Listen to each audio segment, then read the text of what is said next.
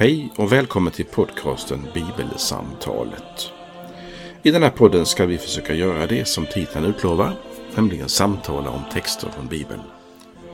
Vår tanke är att varje vecka dela ett samtal om den text från något av evangelierna i Nya Testamentet som är särskilt aktuell den kommande söndagen. Fokus är just samtalet. Kanske kan det inspirera fler till att samtala om bibeltexter. Välkommen att vara med i samtalet på något sätt.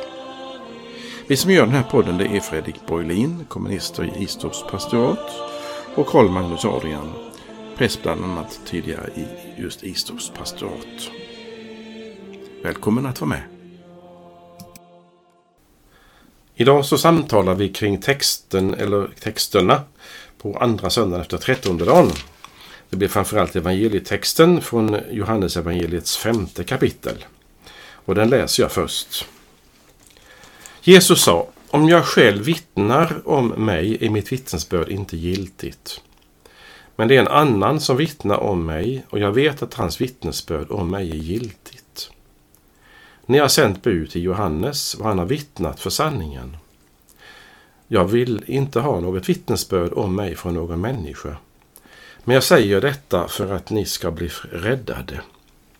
Johannes var en lampa som brann och lyste och en kort tid hänfördes ni av hans ljus. Men jag har fått ett starkare vittnesbörd än det Johannes gav. Ty det verk som Fadern har gett mig i uppdrag att fullborda, just det som jag utför vittnar om att Fadern har sänt mig. Så lyder det heliga evangeliet. Lovad vare du, Kristus. Ja, nu ska vi se om vi har något att dela idag, Fredrik, du och jag, kring mm. det här temat. Eh, det finns ju texter för den här söndagen som kanske öppnar sig lite mer tydligt än vad den här texten gör. Den ena texten är från bröllopet i Kana, första årgången. Och sen är det om den samariska kvinnan, den andra texten. Men i år så är det Johannes 5 som gäller. Alltså vittnesbördet om Jesus. Vem är han? Eh, det jag funderar på först det är de anspråk som Jesus har om sig själv. Mm. Att han är Guds son. Eh, då går jag tillbaka till det som vi har talat om tidigare som jag ofta funderar på. Eh, jag tror jag nämnde det vid gången, det spelar ingen roll att, jag behöver inte repetera sig själv, men att det var inte lättare att vara lärjunge då än det är idag. Nej. Det tror inte jag. För att, att möta, tänk om nu Jesus skulle leva här i Horedstrakten och så mötte jag honom på ICA i Horred. 35-37 år gammal eller vad han var. Och så viskade han i mitt öra, det, det där är Guds son. Mm. Då skulle jag nog reagera. vad är detta för någonting? Det kan ju inte vara, det kan inte vara Guds son som jag möter så här. Alltså den här eh, ska vi säga, tveksamheten kring vem han är. Mm. Eh, Jesu anspråk det är det ena som vi tar upp idag. Vem han är och vem, varför man kan tro på att det är sant. Mm. Den andra är det att människor då, som nu, är kritiska. Mm. Eller man kan säga mindre lättlurade. Mm. För det är också, man behöver inte vara kritisk i, den, i stark negativ mening. Det vill säga, jag är kritisk mot dig. Det vill säga, jag är arg på dig. Nej, mm. Så tolkar vi ibland. Utan kritiskt betyder egentligen att jag, jag, vill, jag vill veta hur det är. Mm. Alltså ett intresse för sanningen menar jag att det handlar om. Jag vill ha en grund för någon föreställning. Ja. Kan jag ha en förhoppning Just att det är på ett visst sätt. Eller att den här Jesus är Guds son. Men jag vill ändå ha en grund för det. Ja. Jag vill och, kritiskt kunna undersöka detta. Ja. Och du och jag kan ta emot varandras mer eller mindre funderingar eller kritiska frågor. Eller framförallt vi vill inte bli lurade. Det är just det uttrycket har jag i ögonblicket mm. fäst mig vid. Ja, absolut. Ja. Um, om jag börjar med det som ju är det ena, det vill säga samtidens sätt att ifrågasätta Jesus. Mm. Och Jesus anspråk. Mm. Så det är någonting i det sätt som Jesus uppenbarar sig och visar sig och är tydlig för människor. Mm. Där han, siktar uttrycket, inte har det så lätt. Hur ska han tydliga vem han är mm. i ett sammanhang där det finns helt andra förväntningar på Messias mm. än vad Jesus kommer med?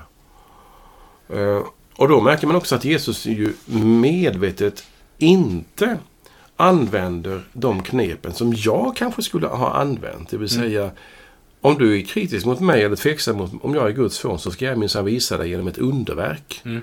Nu ska jag säga till den lampan, fall till golvet och så faller den till golvet och Mm. då säger du, oh vad imponerad jag blir. Du måste vara Guds son. Mm. Jesus använder ju inte det. Nej. Och Herodes, som eh, fått, eh, Herodes den andra, det vill säga den, den som möts, möt, vi möter vi processar mot Jesus, han vill ju ha sådana liksom bevis. Och han tycker det är intressant med Jesus. Han kallar ju dit honom. Eller han blir sänd dit Jesus. Och då tänkte Herodes att nu ska jag äntligen få se den här magikern. Ja. Och se vad som händer. Och Jesus gör ingenting. Inga under där. Eh, Alltså det är någonting med sättet som Jesus uppenbarar sig som inte är helt klart Mm. tydligt. Och innan du reagerar på detta så vill jag bara ta upp en sak till. Och det är att när Jesus sen talar om det som kommer sen, Mm. alltså väntans tider och när han kommer tillbaka, eh, så står det ju att han ska komma på himmelens skyar. Alla ska se det. Han ska komma med makt och härlighet. Han ska vara herre, alltså kung kan man säga. Och så då kommer han på ett väldigt tydligt sätt. Och idag finns det någonting med, med allt med Jesus som är, ska vi säga, på ett mänskligt plan otydligt. Och därför så är det intressant idag med texten att hur, ska, hur Jesus behöver liksom, eller man behöver vittnesbörd om vem är han? Och så står det i texten så här att eh, Johannes har vittnat för sanningen.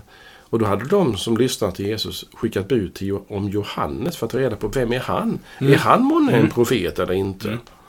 Och vi vet också att i Johannes evangeliets inledning så är det flera som med rätta ifrågasätter de olika, både Johannes och Jesus. Eh, alltså de, man ska liksom inte vara lättlurad, Mm. utan man ska undersöka det. Ja, det var mina första spaningar Ja. kring detta. Intressant. Går du igång på det här? Lite grann, ja absolut. Jag tänker på detta som du sa, det här är ju spännande. Det får vi ju anledning att komma tillbaka till nästa vecka. Det här med eh, att Jesus gör tecken och eh, att människor har eh, det här att människor söker upp Jesus och, och, vill, upp, och vill, vill möta helaren eller magikern som du nämnde. Mm. Eh, och Jesus gör inte alltid någonting. Eh, det finns ett djupare budskap. Jag tänkte, vi ska inte föregripa det som sker där och då. Eh, men jag tycker, också, jag tycker också att det är intressant det här eh, med, med nyckelordet att vittna eller vittnesbörd som finns här. Åtta gånger i texten eh, Mhm. förekommer det. För två avsnitt sen, nu går jag in på ett lite annat spår här som så, men för två avsnitt sen tror jag eh, det var, så nämndes eh, evangelisten Johannes förkärlek för sjutal. Just det. Eh, nu återvänder vi hit. Jag, eh, jag går igång lite på detta också med sjutal. Eh, hos Johannes, evangelisten Johannes, så är det sammanlagt sju som vittnar Mhm. om eh, att Jesus är Guds son på olika sätt. Alltså om man lägger upp hela Johannes evangeliet och tittar på när Jesus talar om vittnesbörd på olika sätt. Och här är ju verkligen en jättekoncentrerad. Om, om det är som en buljong så är ju den här texten i buljongtärningen. Den är ju otroligt. Det är mycket vittnesbörd här. Eh, det talas i, i vår text idag om att det är Fadern som vittnar och gärningarna och även om döparen. Och sen så om man liksom, när man tar in sen hela evangeliet så är det också sonen själv och det är anden och det är skriften och det är lärjungarna. Alltså det, det är intressant det här med, tycker jag, med skjut, med, med liksom att det är eh, Ja, att det är många som vittnar. Och att det är, eh, och att det, att det, det är intressant att det här att det är sju som vittnar. Eh, och att flera av dem liksom finns i dagens text. Men alltså om man säger rent krasst existentiellt, då är du ju nu är du inne på en teologisk plan Mm. där Mm. du analyserar texten i Johannesevangeliet. Mm. Eh, och det gör du ju med all rätt. Mm. Eh, jag är inte där än. Nej. Så kan man säga. Ja, Alltså, absolut. jag tänker, nu står han där Mm. eh, och blir ifrågasatt. Mm. Eh, och då kan man ju säga att ja, men de som då kan sin, sina skrifter, sin Mm. gamla testamentet, de kan ju begripa och så. Men om jag tar ett parallellställe Mm. till det här. Mm. Ungefär. Mm. Johannes döparen är i fängelse. Ja. Han har ju gjort, eh, varit minst sagt eh, Obekväm. obekväm ja, mot förstemakten, mot överheten. Ja. Och så blir han fängslad och sitter han där. Och då finns det ju teorier om att han antingen så är det så att han verkligen tvivlade i fängelset Mm. och skickade bud med lärjungarna till Jesus. Eller så är det inte alls att han tvivlar utan han för lärjungarnas skull, alltså hans lärjungar, Mm. så säger han till dem att om ni nu tycker det är svårt att jag sitter i fängelse så gå, gå och kolla med Jesus och vem han är. Så ska ni upptäcka också vem, vad jag håller på med. Mm. Så vi, vi, spelar, vi spelar inte ut dem mot varandra. Det kan Nej. vara olika anledningar. Men, men poängen är att Johannes i, temp, i fängelset eh, skickar bud att de, lärjungarna hans, ska gå till Jesus och kolla vem han är. Mm. Och då, nu ska jag testa, skriva en te, eh, skicka en testfråga till kommunisten. Mm. Vilket svar får de? Gå och berätta för Johannes vad ni ser och hör. Som är ett citat ifrån... Och den... ja, och sen så kommer det ett innehåll också. Att blinda, blinda Ja, ser, det- döva hör, Det är ett citat. lama går och fattiga får ett glädjebud. Men var, var står det? Ja, det, Det vill säga det är profettexter som, Ja. som citeras. Mm. Jesus tar fram alltså profetier om honom från profeterna Mm. och säger berätta för Johannes vad ni ser. Mm. Och det, menar, det roliga med det svaret är att det, Mm. det förenar både ditt intresse för texten, Mm. alltså den teologiska funderingen, Ja. och det rent konkreta som händer. Mm. Här kommer några lärjungar som Mm. eventuellt är tveksamma Mm. om Jesus. Och så säger Jesus, kolla nu vad som händer. Jag har lagt min hand på en person här som var blind och nu kan han se. Mm. Här var en person som var lam och nu kan hon gå. Mm. Koll, ser ni? Mm. Alltså, Jesus eh, argumenterar att de med sina sinnen ska kolla vad som händer. Mm. Och det är inte någon, de läser ingen text. Nej. Det är inget emot din textläsning nu. Nej, nej, nej. Utan jag berör rent, rent krasst vad som Ja. händer. Alltså det är någonting som bevisas i det som sker. Mm. Och jag har några exempel på det som jag kan ta lite senare. Men det intresserar ju mig som, som eh, gärna eh, både älskar teologiska funderingar och spetsfundigheter men som också känner ibland att på något vis så är ju evangelierna väldigt konkreta. Mm. Är, Jesus går liksom på vägar av grus och är, Mm. är rotad Mm. med sina fötter i myllan. Och där uppenbarar sig Gud också. Det är inte någon, liksom någon, någon, jag säga, någon text som rullar runt i himmelen efter något flygplan. Som, som, utan det är konkret och där spe, utspelas också bibeltexterna Mm. tidigare också. Så det är väldigt konkreta saker. Och det gör att eh, eh, på något vis är det ju det här med konkret. Får jag ett exempel till som om du vill ta Mm. fundera på det här. Det är ju Thomas, tvillingen, Mm. efter uppståndelsen som, inte, Mm. som är tveksam till det här med Jesus. Mm. Och eh, får se honom. Mm. Och till och med troligen känna, röra honom. Mm. Men som inte kan tro om inte han får se eller känna eller uppleva. Eh, Jesus tilltalar ju honom med att det är bättre att det är gott att också tro utan att se. Mm. Men det finns ju längtan efter något konkret. Och jag tror att i den judiska miljön Mm. så är det konkreta mycket tydligt. Mm. Medan i den grekisk-hellenistiska världen som vi känner efter Jesus så är det liksom idéerna som är Mm. intressanta. Eh, ungefär som att, eh, nu tar jag verkligen en parentes, Mm. har Jesus uppstått från de döda? Ja, det känns så i mitt hjärta. Mm. Det är liksom en idé, tro. Mm. Nej, har Jesus uppstått från de döda, betydelsen är graven tom och har han visat sig. Mm. Det är konkret saker. Mm. Ja, Men det betyder, om jag förstår det rätt här, det betyder att vi, vi, vi, vi behöver betona detta med det, det praktiska, det konkreta. Annars, vi, jag tror vi riskerar att på något sätt förandliga också. Att, nej, men det, här, det handlar bara om, en, om någonting andligt liksom. Nej, men det här är också någonting som har skett. Han har inte gått på någon så att säga andlig väg, utan han har gått på vägar av grus. Mm. Alltså att det, man inte tappar bort att det här är en Det här är inte bara så att säga Guds, bara Guds uppenbarelse av någon slags livets källa i, i abstrakt mening eller i, i, i andlig mening utan så att säga den, den stora uppenbarelsen är att Gud har blivit människa. ja. Och, och, och det är så vi kan veta att här finns en här finns verkligen en källa. Eh, Och för min, min följd, bröt jag dig nu? Nej, Ja. nej, nej, kör. Min följd att om detta är en del, det här är ju inte textens, eh, liksom, jag har inte, inte liksom fiskat färdigt i texten med Nej, detta. nej, nej, inte alls. Men Mm. om detta är en viktig del Mm. så kan vi också för oss och för våra vänner och medkristna och medmänniskor, även de som inte tror, Mm. eh, vara tydliga med att den tveksamhet eller den eh, försiktighet som den och den känner inför budskapet om Jesus. Det är inget konstigt med det. Nej.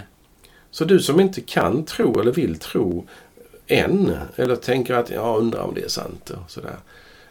Det är inte så att man, man, vi moraliserar negativt över den personens sätt att tänka. Nej, det gör vi inte. Utan vi Nej, tänker, det. ja men hallå. Mm. Ja. Och ja, det får mig att tänka på detta som du sa för en liten stund sedan. Det här med att det var inte lättare då.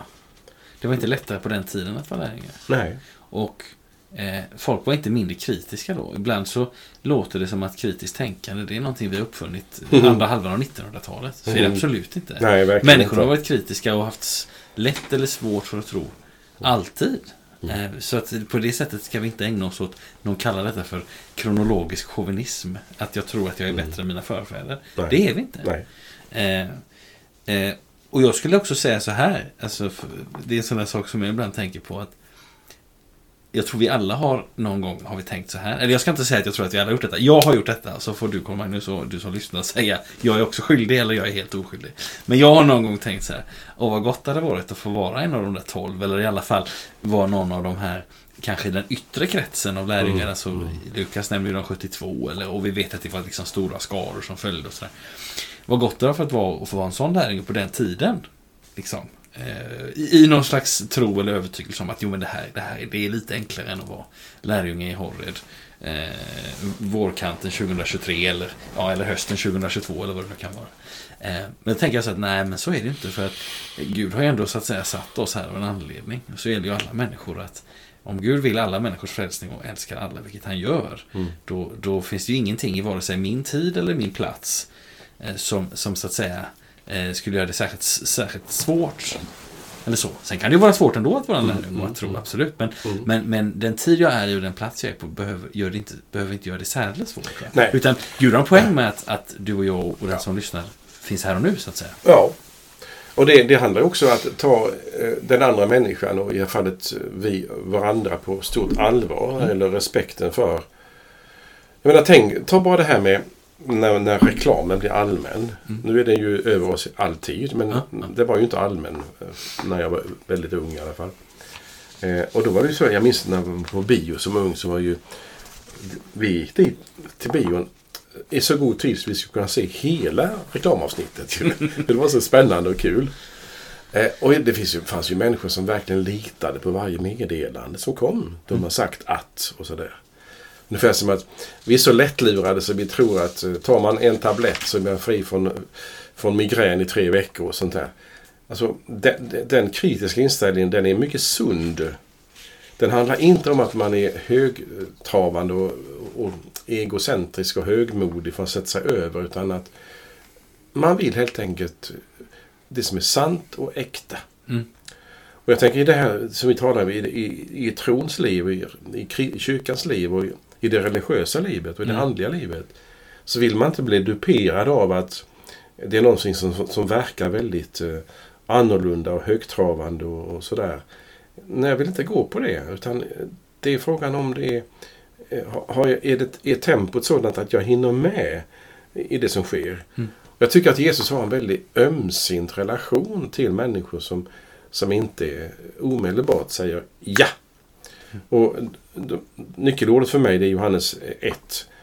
Kom och se. Eh, Följ med och se. Mm. Eh, Frågan kom från Natanael och de andra. eh, Kan något komma gott från Nasaret? Mm. Och då säger hon, ja det fattar du väl din dumbom. Nej, kom med och se. Mm. Upptäck detta. Och den respekten, Mm. den är väldigt tilltalande också när det gäller de här frågorna om vem Jesus är. Mm. För är han Guds son så är allt annorlunda. Mm. Är synden, Gud, har Gud försonat världen med sig genom Kristus? Mm. Har det hänt någonting på Golgata klockan tre? Mm. På långfredagen Mm. till exempel nu. Och Mm. uppståndelsen. De två då, tillfällena. Mm. Eh, Så är alltid annorlunda. Men har det inte hänt någonting då? Då kan vi hålla på och simma med vad som helst. Och tänk bara vi som rör oss i kyrkliga sammanhang att man kan tycka att, att eh, det måste vara väldigt trevligt och, och, och roligt. Och, jag menar tänk, ja, kanske jag går långt för långt. Nej, nej, nej, kör på. Kör Nej. på. Jag lyssnar. Jag menar det här med kyrkan. Ja, Eftersom jag är född i kyrkans gemenskap kan man lugnt säga så, så var, ju, var man ju specialist på att bedöma tråkiga kyrkvärdar, jobbig organist. Och prästen han, ah, han kan ju inte prata rent och Mm. sådär. Ni vet. Alltså man blir liksom så kritisk eh, mot den här förpa- förpackningen på något Mm. vis. Eh, och då eh, ska man ju inte liksom, man ska ju inte liksom vänja sig vid någonting och sen ska man hålla masken. Utan man ska ju uppsöka vad är det som ligger bakom detta. Alltså att, att gå på djupet med, Mm. med de frågorna som, som vi håller på med. Eh, det tror jag är viktigt att eh, inte vara, ska man säga, inte vara upptagen av att jag, vill bli underhållen. Utan jag vill, jag vill vara sann. Mm.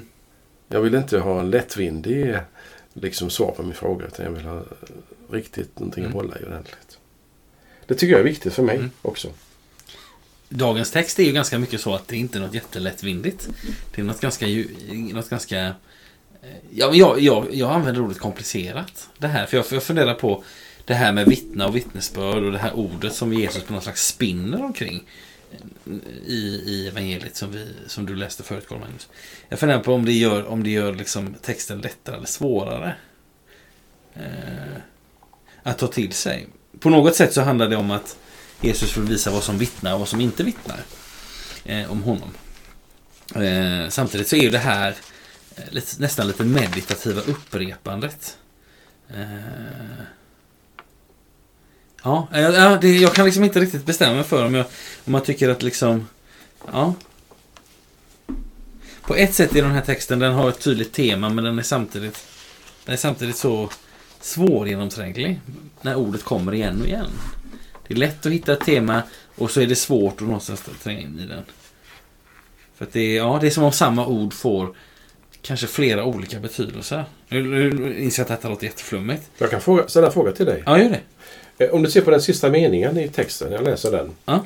Ty det verk som Fadern har gett mig i uppdrag att fullborda, just det som jag utför, vittnar om att Fadern har sänt mig. Mm. Är det konkret för dig? Vad, vad, vad syftar han på? Är det det som är, som är liksom poängen med texten? Är det det? Ty det verk som Fadern har gett mig, de vittnar om vem jag är. Vad är det för verk han talar om? Ja, det är intressant. Ehm, skulle, man, skulle man backa bakåt i texten, alltså skulle man backa bakåt i Johannes evangeliet eh, kapitel 4, eh, nästa veckas text, så säger Jesus om ni inte ser några tecken under så tror ni inte. Är det liksom... Är det den typen av tecken som Jesus också kan undanhålla människor? Eh, som det syftar på. Eh, samtidigt så säger om man backar ännu lite mer, Jesus träffar Nikodemus på natten, Johannes 3. Eh, så säger han så här, Rabbi, vi vet att du är lärare som kommer från Gud. Ingen kan göra de tecken som du gör om inte Gud är med honom. Men är det då, alltså, för, man kan vara konkret, med min fråga. Ja. Om tecknen handlar om att han kan uppväcka döda, Ja. bota sjuka och hela lama som kan gå. Är det det som är liksom beviset? Det som Johannes döparen får höra genom sina lärjungar. Mm. När de skickar bud till Jesus. Vem är han? Jo, titta vad han gör. Mm. Så svarar Jesus. Men det som är min möjliga tolkning, jag vet inte Mm, nämligen. Det är att det handlar om det största av allt. Mm. Det vill säga varför, han har, varför Gud har blivit människa. Mm. För att försona världen med Gud. Mm. För, att, för att klara upp det här med att bygga bron mellan människan och Gud. För att verkligen ombesörja så att frälsningen är möjlig. Det uppdraget som inte syns. Mm. Det blir inte uppenbart för, inte ens för lärjungarna, förrän efter uppståndelsen. Vad som har hänt. Just det. Är det det som är Mm. det som, som vittnar om... Alltså att vi hela tiden, och även Johannes när han skriver sitt evangelium, facit har ju både Johannes och vi. Mm. Vi vet ju vad som har hänt. Ja. Men då hade man inget facit. Och då är det lätt att säga att då, på Jesu tid, när han levde här Mm. innan döden, så är det ju uppenbart så att, att underverken, det som du tar om tecken och, Mm. och sånt, Johannes evangeliet, det är ju tecknen som, som vittnar om vem han är, som pekar framåt. Mm. Mm. Mm. Men jag undrar om inte det är mer än så här i vår text. Mm. Eh, för sa, Fadern har gett mig uppdrag att fullborda. Mm. Jag tror ju inte att det är att bota sjuka. Men det, in, men, men det ingår ju naturligtvis i sammanhanget. Mm, Utan det som Fadern har gett mig att fullborda, det är det som är avslutat när Jesus säger det är fullbordat. Just det. Det är alltså Golgata-orden. Nu är det färdigt. Mm. Där är liksom summan av... Mm. Och då är det någon, det är den romerska soldaten som säger Åh, denne måste varit Guds son. Mm. När han ser vad som händer vid korset. Centurionen där. Är det det som är själva klon eller poängen i det här? Intressant. Eh, eh, jag reagerar spontant och så tänker jag så här. Eh, det finns ett litet ord här i vers 36. Eller det finns två små ord. Och det är ty det verk som Fadern. Det vill säga, det verkar handla om flera saker. Mhm. Ty det verk som Fadern har gett mig uppdrag att fullborda, just det som jag utför, vittnar om att Fadern har sänt mig. Hade det varit, hade det så att säga, om det istället hade stått det verk, alltså att det mer koncentreras kring en specifik sak. Sen får man ju tänka att ja, men det är klart att man fortfarande kan sammanfatta Jesu verk eh, till en sak. Men nu talar Jesus ändå om det verk, alltså ungefär som när han svarar Johannes döparen som vi var inne på. Som du tog upp eh, för en stund sedan det här att gå och säg eh, Gå och berätta för Johannes vad ni sett och hört. Det vill säga blinda ser och lama eh, går och fattiga får ett glädjebud och, och döva hör och så vidare. Att det, är, att det är flera saker. Eh, Samtidigt här. Jag gillar din koppling mellan uppdraget som fullbordas eller som ska fullbordas här i våran text idag och så det som Jesus säger på korset. Det är fullbordat. Det är det som är, det som är poängen. För jag tycker det är så fint med det här med det är fullbordat. Mm. Det är ju en sorts markering från Jesus sida att eh, det jag ska göra har, ju, har, har gjort, det är nu Mm. klart. Mm. Och då är det som du säger, då är det två stycken verk. Säga dels är det hans helande och botande och Mm. där han visar vad som gäller Guds rike. Mm. Och sen är det det, stora uppdraget. Mm. Alltså försoningen. Mm. Eh, ja, helt enkelt. Det är rätt bra va? Ja. Alltså det, och det är, detta, det är ju detta dubbla också. Att, eh, att det, finns hela, det finns hela tiden någonting, om man, någonting dubbelt i, i liksom Jesu... Alltså att det, det handlar... I bör, speciellt i början och det är... Det kan man ju se i alla, evangel- alla fyra evangelierna. Att I början så är det ett visst fokus på Jesu eh, tecken och under. Och människor kommer eh, liksom samlas och det, det, ryktet sprids ut och sådär. Eh, och sen, men sen så sker det också liksom, sen vill Jesus också visa på att nej, men det är inte det är inte det här som är poängen riktigt. Alltså vi, vi kommer ju vi kommer till det liksom, i, nästa, i nästa avsnitt nästa vecka. Det här att Jesus säger till den här ämbetsmannen som kommer och söker upp honom att ja, men om ni inte får se tecken och under så tror ni inte. Alltså det, jag tror, det är inte bara en, ett ord till den mannen, ska vi inte föregripa det, men utan det är också ett, ett ord till alla. I, I Markus 1 så säger Jesus så här att Eh, han drar sig undan och lärjungarna söker efter honom och hittar honom. Eh, på någon enslig plats. Och så säger han låt oss gå bort till byarna där och där och så ska jag predika. Det är därför jag har gått ut. Och det sker liksom i, det är liksom ett inpass i, i början av Marx, vet jag, det talas mycket om att folk kommer från alla håll och hej och hå, höger och Mhm, vänster. mhm. Och, så, och så säger Jesus att ja, men det är därför jag har gått ut. Och så går han ut och predikar. Mm. Och driver ut demonerna, står det också. Alltså att det, det, det här... Ja, det det är intressant med den här... Eh, För vi, så här det stora verket och Ja. så också de tecken som Ja. pekar på det stora verket. Jag menar, vi behöver inte värdera alltså Jesu undervisning lägre än hans försoningsgärning. Nej. Utan allt hänger ju samman. Ja, men. Gud blev människa Mm. på olika sätt. Men, men det är just det här med att eh, det som vittnar om vem han är. Mm. Och då tycker jag ändå att det som du hade som innan jag kom in, tog det här med det fullbordat på korset. Mm. Så finns det ju någonting eh, Förresten i parentes det här vi pratade med Johannes döparen som skickar bud till lärjungarna. Mm. Och så citerar Jesus det från Jesaja. Mm. Jag- Just det, jag- där kom den, ja. kom den. Mm. Jo, eh, det finns ju någonting i det här med, med det synliga som Jesus ändå tar upp. Eh, berätta vad ni ser och hör. Mm. Eh, och det är också det som, som, som, som vittnar om saken. Jag tänkte så här nämligen att om man nu funderar på det, det existentiella eller det närvarande, det som påverkar oss idag i den här texten. Jag, jag är fortfarande, eh, jag kretsar ganska mycket kring det också förutom intresset för, för din johannesiska textanalys som jag tackar för. Eh, så är det det här med att, att eh, människor är undrande i alla tider på olika sätt, olika grad av olika anledningar och så. Eh, och då är det ju om, det, om vi nu ska tänka på att de yttre handlingarna, Jesus botar sjuka till exempel och så, uppväcker någon död och så. Så är ju det i ett sammanhang som handlar om att det han gör är något mycket, mycket märkligt. Och så ser folket detta och så får de tro på det. Eh, och tänk då att evangelierna är så detaljrika. Eh, det som, som öppnade ögon för mig på detta, det var när, när en död blir uppväckt i byn Nain. Eller Nain. Eh, det är väl en, en kvinnas son, va? Det var det nu. Tänk att jag inte kollat det. Eh, och så evangelierna skrivna 20-25 år senare. Eh, och så läser de där att han var i byn, byn Nain och uppväckte en död där.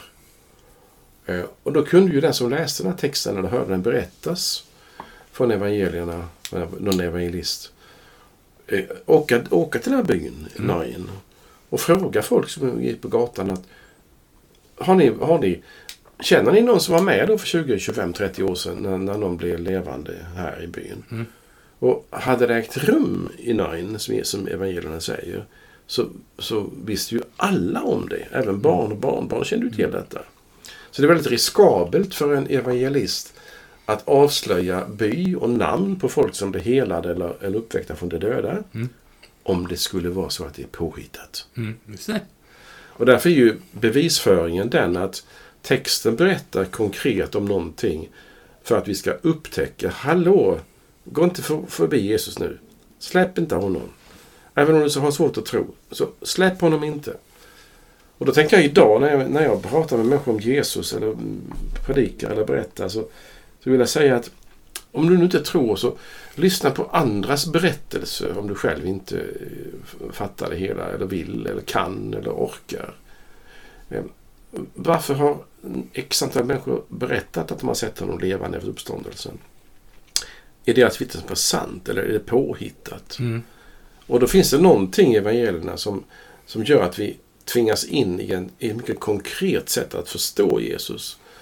Och då kan det vara så att vi säger som Thomas, det här med vittnesbördet i texten idag, det är svårt för oss att tro på Jesus. Eh, jag vet inte om, om, vad som vittnar om att han är Guds son. Och då är det ungefär som Jesus säger, kom med och se. Mm. Alltså, kom in i bibeltexterna, titta på dem. Och så ber Gud att han i sin ande visar dig det som är konkret och sant. Mm. Så att du får beträda en väg som så småningom går in i trons mm. liv. Där du kan säga Jesus är min frälsare eller någonting sånt. Mm. Och vägen in till den tron, den, den eh, får man ha stor respekt för att den är väldigt olika. Men, mm. men evangelierna är väldigt tydlig i alla fall om att de yttre händelserna och handlingarna pekar på vem Jesus är. Mm. Så är det väl? Mm. Jag tänker, för att haka tag i det. Jag, kan, jag tänker så här. Ibland så kan vi människor, och det behöver inte vara, det behöver inte vara alldeles fel, absolut inte. Utan, men jag tänker att ibland har vi människor föreställningar om vad vi behöver för att kunna tro. Och det behöver inte vara, liksom inte, det behöver inte vara fel eller så, men, men, men är det någon som har koll på vad vi behöver för att tro så är det Gud. Mm. Och han, han, vill ju. Han, han, vill ju att vi ska lära känna honom. Mm. Så att, eh, han vet djupare än vad... Så, eh, och det, det talar jag lika mycket till mig själv nu. Att Gud vet ju djupare vad, vad Fredrik behöver för att tro. Än vad Fredrik eventuellt kan sitta och lura ut och mm. tro sig mm. behöva. Så att mm. säga. Och, och det tänker jag också är trösterikt. Att nej, men jag, är redan, jag är redan helt genomkänd. Ja. Trons relation handlar inte om att nu ska Gud lära känna mig. Utan jag ska få lära känna honom. Mm. Eh, och det tycker jag det är trösterikt för då... Ja, det är det. För det, det är någon som så att säga redan vet, vet vägen, så att säga. Eh,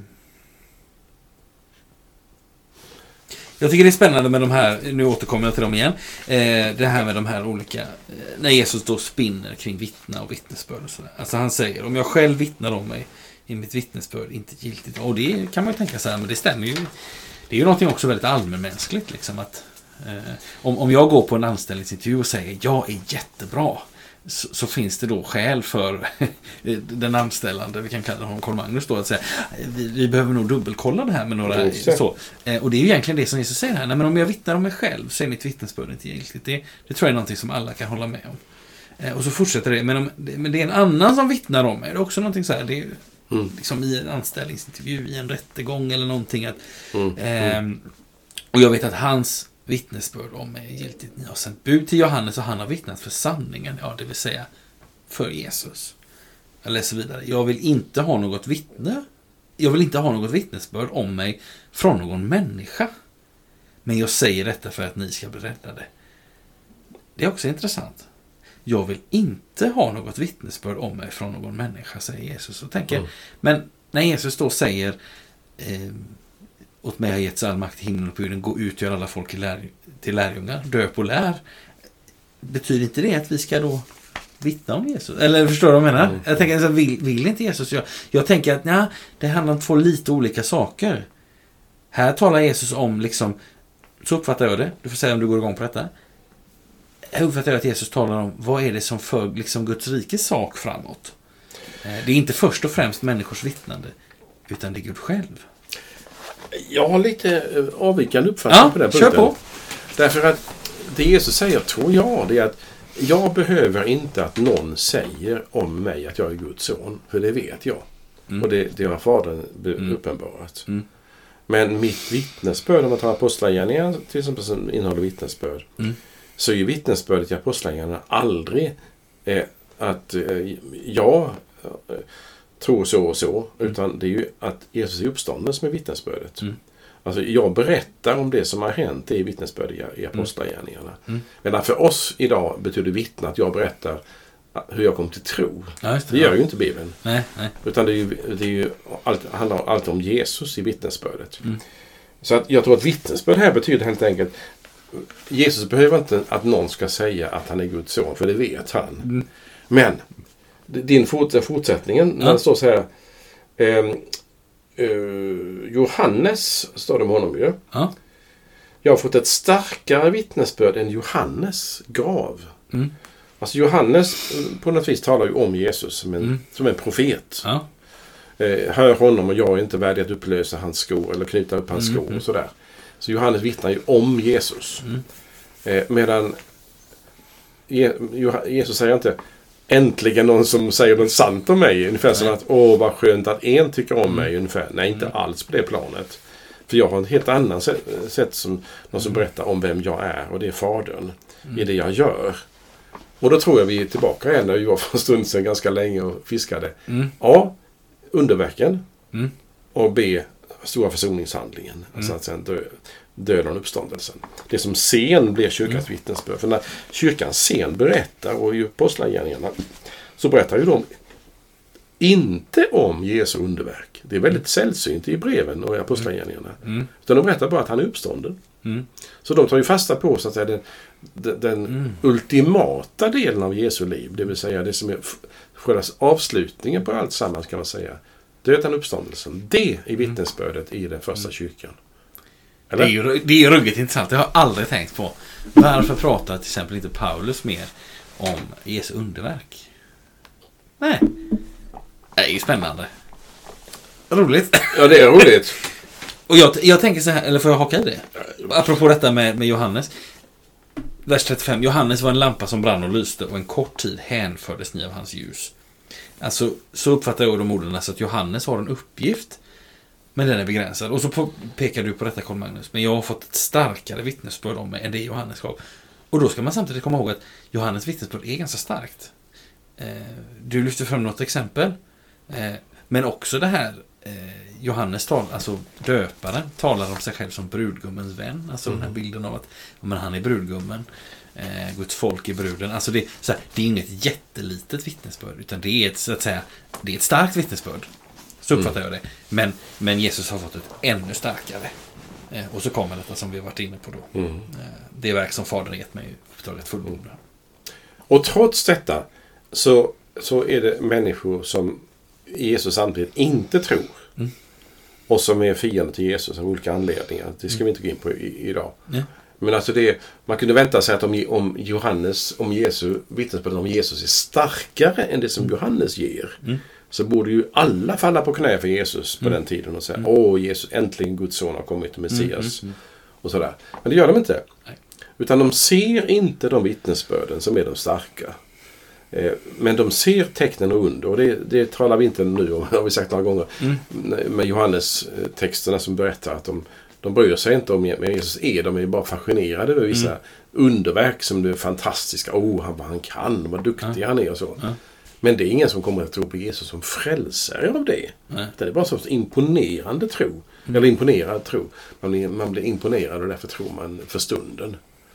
Utan det är den stora frågan om Jesus, vem han är. Och det, på något vis är det ju inte klart för, om, för kreti och pleti förrän efter uppståndelsen. Mm. Det är först den första kyrkan som bär ut allt detta. Mm. Och vad är det de bär ut? Det är det som är det roliga. Att han är Messias, Guds son. Mm. Jag kan ju läsa det istället som jag har läst en gång innan. Mm. eh, Som har varit för mig vattendelaren. Du hade ju någon nyupptäckt precis ny så jag har, eh, kan berätta om en nyupptäckt som jag hade. Nu är det inte nytt längre för det är många, många år sedan. Men Jag läser från Johannes kapitel 20. Mm. Sista raderna, sista verserna. Men många tecken som inte har tagits med i denna bok gjorde Jesus i sina lärjungars åsyn. Men dessa har upptecknats för att ni skall tro att Jesus är Messias, Guds son, och för att ni genom tro ska ha liv i hans namn. Alltså det... eh, Allt är skrivet, Johannesevangeliet ska man ju inte läsa som en biografi av Jesus. Det, det, är, en, det är en väldigt dålig biografi. Det är bara en vecka det handlar om, plus Ja. lite extra tid och så. Ja. Utan det, poängen är att visa vem är han? Mm. Och det är det vittnesbördet som jag tror att vår text idag handlar om. Mm. Ser ni inte att det handlar om vem Jesus är djupast sett? Och det håller man på med ett helt liv för att upptäcka. Och därför kan man förstå att människor både då och nu tycker att ah, det där med Jesus är väl ingenting. Och, och sådana tråkiga gudstjänster ni har i håret. Man kan förstå att, man, att det är det som man ser. Vad, är, vad är det med Jesus för någonting? Men när man kommer in innanför dörren och börjar ana det, när man följer med och ser. Mm. Så det är något avstånds eller någon, någon tröghet i det här med att vara lärjunge. Som vi inser att lärjungarna, tre år var de med och fattade inte mycket. Nej. Men det hindrar inte att Gud söker dem och älskar dem. Oss också. Alltså fast jag inte är med så, så tydligt eller säger att jag har en stark tro. Så är han hos mig lika väl. Han, han, han har gått, eh, blivit människa och dött för mig och för dig. För alla människor. Mm. Oavsett. Ja, Fredrik, nu ska vi, lång, snart ska vi landa flygplanet på, på landningsbanan. Ja, Har du något, någon tråd som du vill dra i? För det, ja jag, tänk, jag tänker så här. Jag vill, jag vill koppla tillbaka till eh, överskriften. Eh, som vi tar spjärn mot, eller som vi siktar på. Alltså livets källa. Man kan tänka så här. Jesus säger ju idag om Johannes att Johannes var en lampa som brann och lyste. Alltså, Johannes uppgift, det var att peka på källan. Så uppfattar jag eh, Johannes uppgift i, i, i relation till den här livets källa. Alltså vi är i trettondagarstiden och det handlar om att Jesus uppenbaras. Vem är han? Idag uppenbaras det att han är livets källa. Det är liksom den här söndagen, tänker jag. Eh, Johannes var inte den källan, men han pekade på den. Mm. Och det är inte oviktigt. Alltså man måste ha sett källan innan man dricker ur den. Mm. Johannes har en viktig uppgift, men ingen får sin törst släckt av att titta på en källa. Mm. Ingen får sin törst släckt av att titta på en, en härlig flaska kolsyrat mineralvatten. Mm. Eh, snarast blir man bara ännu törstigare av att titta på flaskan. Mm, mm, mm. Utan att finna livets källa, det är inte att härföra, det är liksom inte att hänföra som någon lampa som lyser eller brinner eller så. Utan att upptäcka att den där Jesus är sänd av Fadern. Det vill säga, han har mandat att släcka den där törsten. Det är det som Jesu verk vittnar om på något sätt. Men Johannes har fått peka på det. Tack. Bra. Det får bli avslutningsorden. Vi säger till er som har lyssnat roligt att ni har varit med. Mycket roligt. Nu ska jag Guds välsignelse och säger på återseende. Mm. Eller återhörande. På återhörande. Hej då! Hej då.